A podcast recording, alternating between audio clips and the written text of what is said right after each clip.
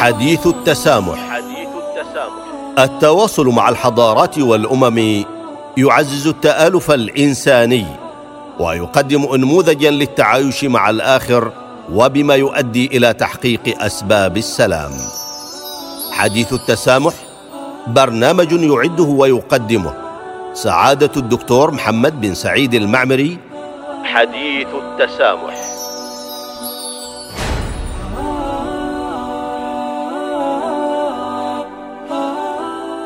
بسم الله الرحمن الرحيم. الحمد لله رب العالمين والصلاة والسلام على رسول الله الأمين وبعد.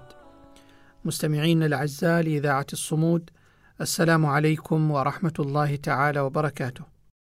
كان مفهوم الإرهاب وقضاياه على جدول الأعمال الدولي منذ ثلاثينيات القرن المنصرم حيث قامت عصبة الأمم باتخاذ أول خطوة من أجل تجريم الإرهاب بمناقشة مشروع اتفاقية دولية تهدف إلى منع الإرهاب وتجريمه وإيقاع العقوبة على مرتكبه. ومع أن الدول الأعضاء في عصبة الأمم آنذاك اعتمدت الاتفاقية عام 1937 إلا أنها لم تدخل حيز التنفيذ مباشرة. ثم جاء تأسيس الأمم المتحدة على إثر عصبة الأمم. وجعل من بين أهدافه حفظ السلم والأمن الدوليين واتخاذ التدابير الدولية بين الدول الأعضاء لمنع التهديدات والعمليات الإرهابية ولقمع العدوان وتعزيز حقوق الإنسان والتنمية الاقتصادية. ولما كان الإرهاب بجميع تعريفاته يمثل انتهاكا لمبادئ القانون الدولي وحقوق الإنسان ويتعارض مع المبادئ والمقاصد العامة التي تقوم عليها الأمم المتحدة فقد اتخذت الأمم المتحدة خطوات ملموسة على الصعيد الدولي للتصدي لخطر الإرهاب والعمليات الإرهابية. وجعلت الأمم المتحدة بكافة أجهزتها ومؤسساتها مكافحة الإرهاب جزءا لا يتجزأ من أعمالها ومداولاتها. ولهذا فإن الجمعية العامة للأمم المتحدة لا تزال تعرب عن إدانتها الواضحة والصريحة للإرهاب بجميع أشكاله ومظاهره وايا كان مرتكبه وحيثما ارتكب وايا كانت أغراضه واعتبرته الأمم المتحدة واحدا من أشد الأخطار وأعظمها والتي تهدد السلم والأمن الدوليين. وعليه فقد اعتمدت الجمعية العامة للأمم المتحدة أكثر من 16 صكا قانونيا لمعالجة مشكلة الإرهاب وممارساته. بدءا من اختطاف الطائرات وأخذ الرهائن وتفجيرها إلى إمكانية استخدام الأسلحة النووية من قبل الإرهابيين. يرى الدكتور مسعد عبد الرحمن زيدان رئيس قسم الدراسات والبحوث بجامعة نايف العربية للعلوم الأمنية بأن الإرهاب من المنظور الإسلامي هو اعتداء غير مشروع على الحاجات الأصلية للإنسان والتي أمر الشارع الحكيم بحفظها وهي حفظ الدين والنفس والعقل والعرض والمال ومن آثاره السلبية إثارة الخوف والرعب والفزع والقلق في الناس لتحقيق أغراض غير مشروعة ومنهي عنها في الكتاب والسنة وإجماع الفقهاء. وهذه الآثار لها أبعاد اقتصادية سلبية، ومن بين هذه الآثار الاعتداء على الإنسان الذي هو مناط التنمية، كما أنه اعتداء على المال الذي هو قوام الحياة والتنمية ويضاف إلى ما سبق أنه اعتداء على البنية الأساسية التي هي من مقومات التنمية. ومن المعلوم أن الأمن من الحاجات الأصيلة للإنسان والإرهاب بكافة صوره وأساليبه اعتداء على الحاجات الأصلية للإنسان مهما كانت عقيدته وجنسيته وعرقه. لأنه يسبب الرعب والخوف والفزع والقلق بين الناس. وهذه من الأمور التي نهى الشرع عنها باعتبارها من صور الإفساد في الأرض وأوجب على ولي الأمر محاربته بالوسائل والسبل المشروعة. فقد ورد في سورة المائدة قول الله تبارك وتعالى إنما جزاء الذين يحاربون الله ورسوله ويسعون في الأرض فسادا أن يقتلوا أو يصلبوا أو تقطع أيديهم وأرجلهم من خلاف أو ينفوا من الأرض ذلك لهم خزي في الدنيا ولهم في الآخرة عذاب عظيم.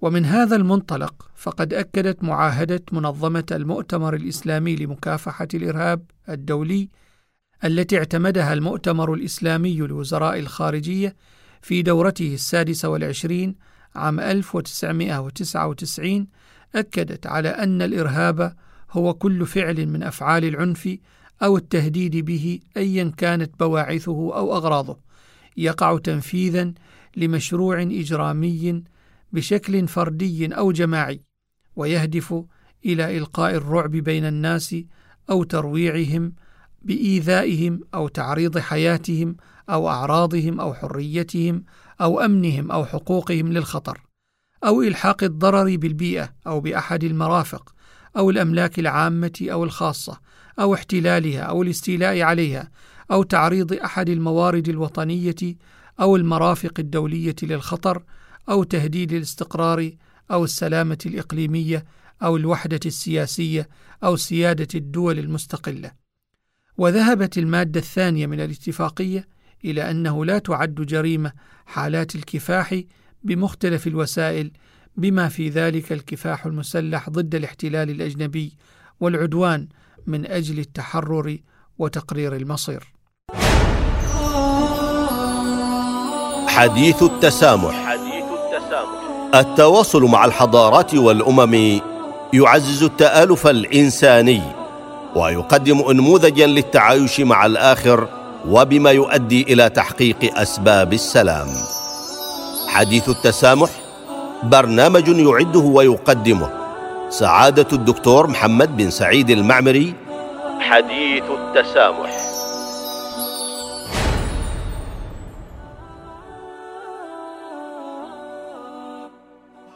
ويتوافق هذا الموقف مع موقف الجامعة العربية من تحديد مفهوم الإرهاب حيث إن الدول العربية الموقعة على الاتفاقية العربية لمكافحة الإرهاب بالأمانة العامة لجامعة الدول العربية بالقاهرة عام 1998 أبدت رغبتها في تعزيز التعاون فيما بينها لمكافحة الجرائم الإرهابية التي تهدد أمن الأمة العربية واستقرارها وتشكل خطرا على مصالحها الحيوية والتزاما بالمبادئ الأخلاقية.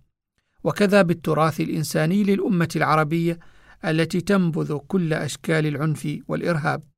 وتدعو إلى حماية حقوق الإنسان وهي الأحكام التي تتماشى معها مبادئ القانون الدولي وأسسه التي قامت على تعاون الشعوب من أجل إقامة السلام.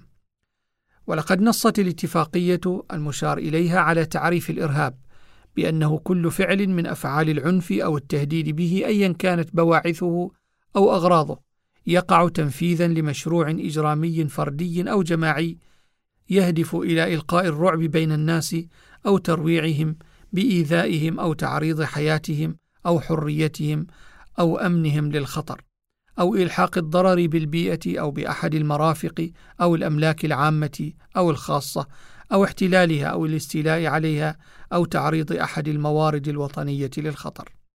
وعرفت الجريمة الإرهابية بأنها أي نوع من الجرائم أو الشروع فيها ترتكب تنفيذا لغرض إرهابي في أي من الدول المتعاقدة أو على رعاياها أو ممتلكاتها أو مصالحها يعاقب عليها قانونها الداخلي.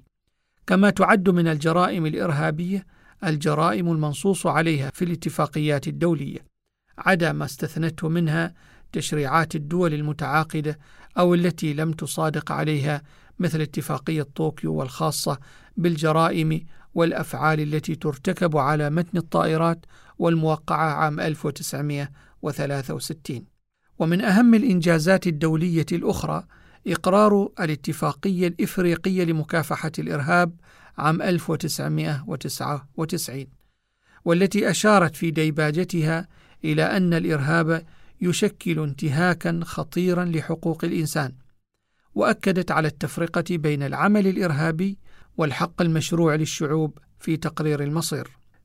ليس هذا فحسب بل إن تعريفها للإرهاب لم يقتصر على الإرهاب الفردي بل شمل كذلك الإرهاب الذي تمارسه الدول.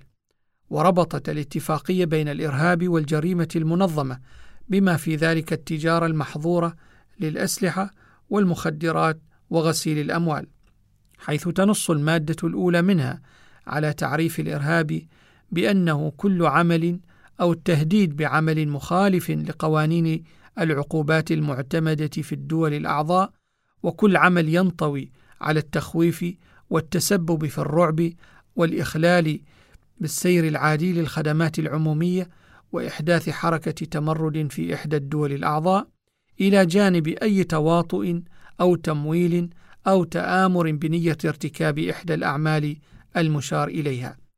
وفرقت المادة الثالثة بين كفاح الشعوب من أجل تحررها أو تقرير مصيرها وفقا للشرعية الدولية وبين الأعمال الإرهابية.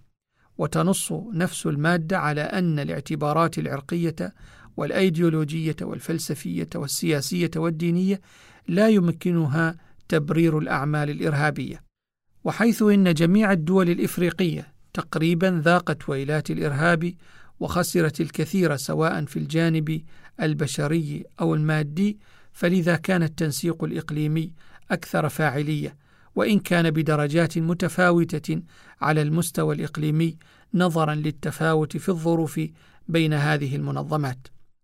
ولذا ظهر التصدي لظاهرة الإرهاب من خلال المراكز البحثية المهتمة بالدور الإقليمي كما حدث في مارس سنة 2003 بمعهد البحوث والدراسات الإفريقية بجامعة القاهرة عندما عقد مؤتمر بعنوان محاربة الإرهاب ومخاطر تصفية الشرعية الدولية مع انعكاساتها العربية والإفريقية.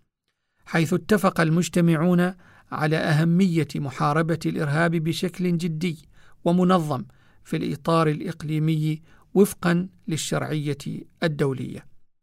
ونقف عند هذا الحد في هذه الحلقة أيها المستمعون الكرام ونكمل الحديث معكم حول الإرهاب ودوره السلبي على التنمية الاقتصادية في الحلقة المقبلة بإذن الله. فحتى ذلك الحين نستودعكم الله والسلام عليكم ورحمة الله تعالى وبركاته. حديث التسامح. حديث التسامح التواصل مع الحضارات والأمم يعزز التآلف الإنساني ويقدم انموذجا للتعايش مع الآخر وبما يؤدي إلى تحقيق أسباب السلام. حديث التسامح برنامج يعده ويقدمه سعادة الدكتور محمد بن سعيد المعمري. حديث التسامح.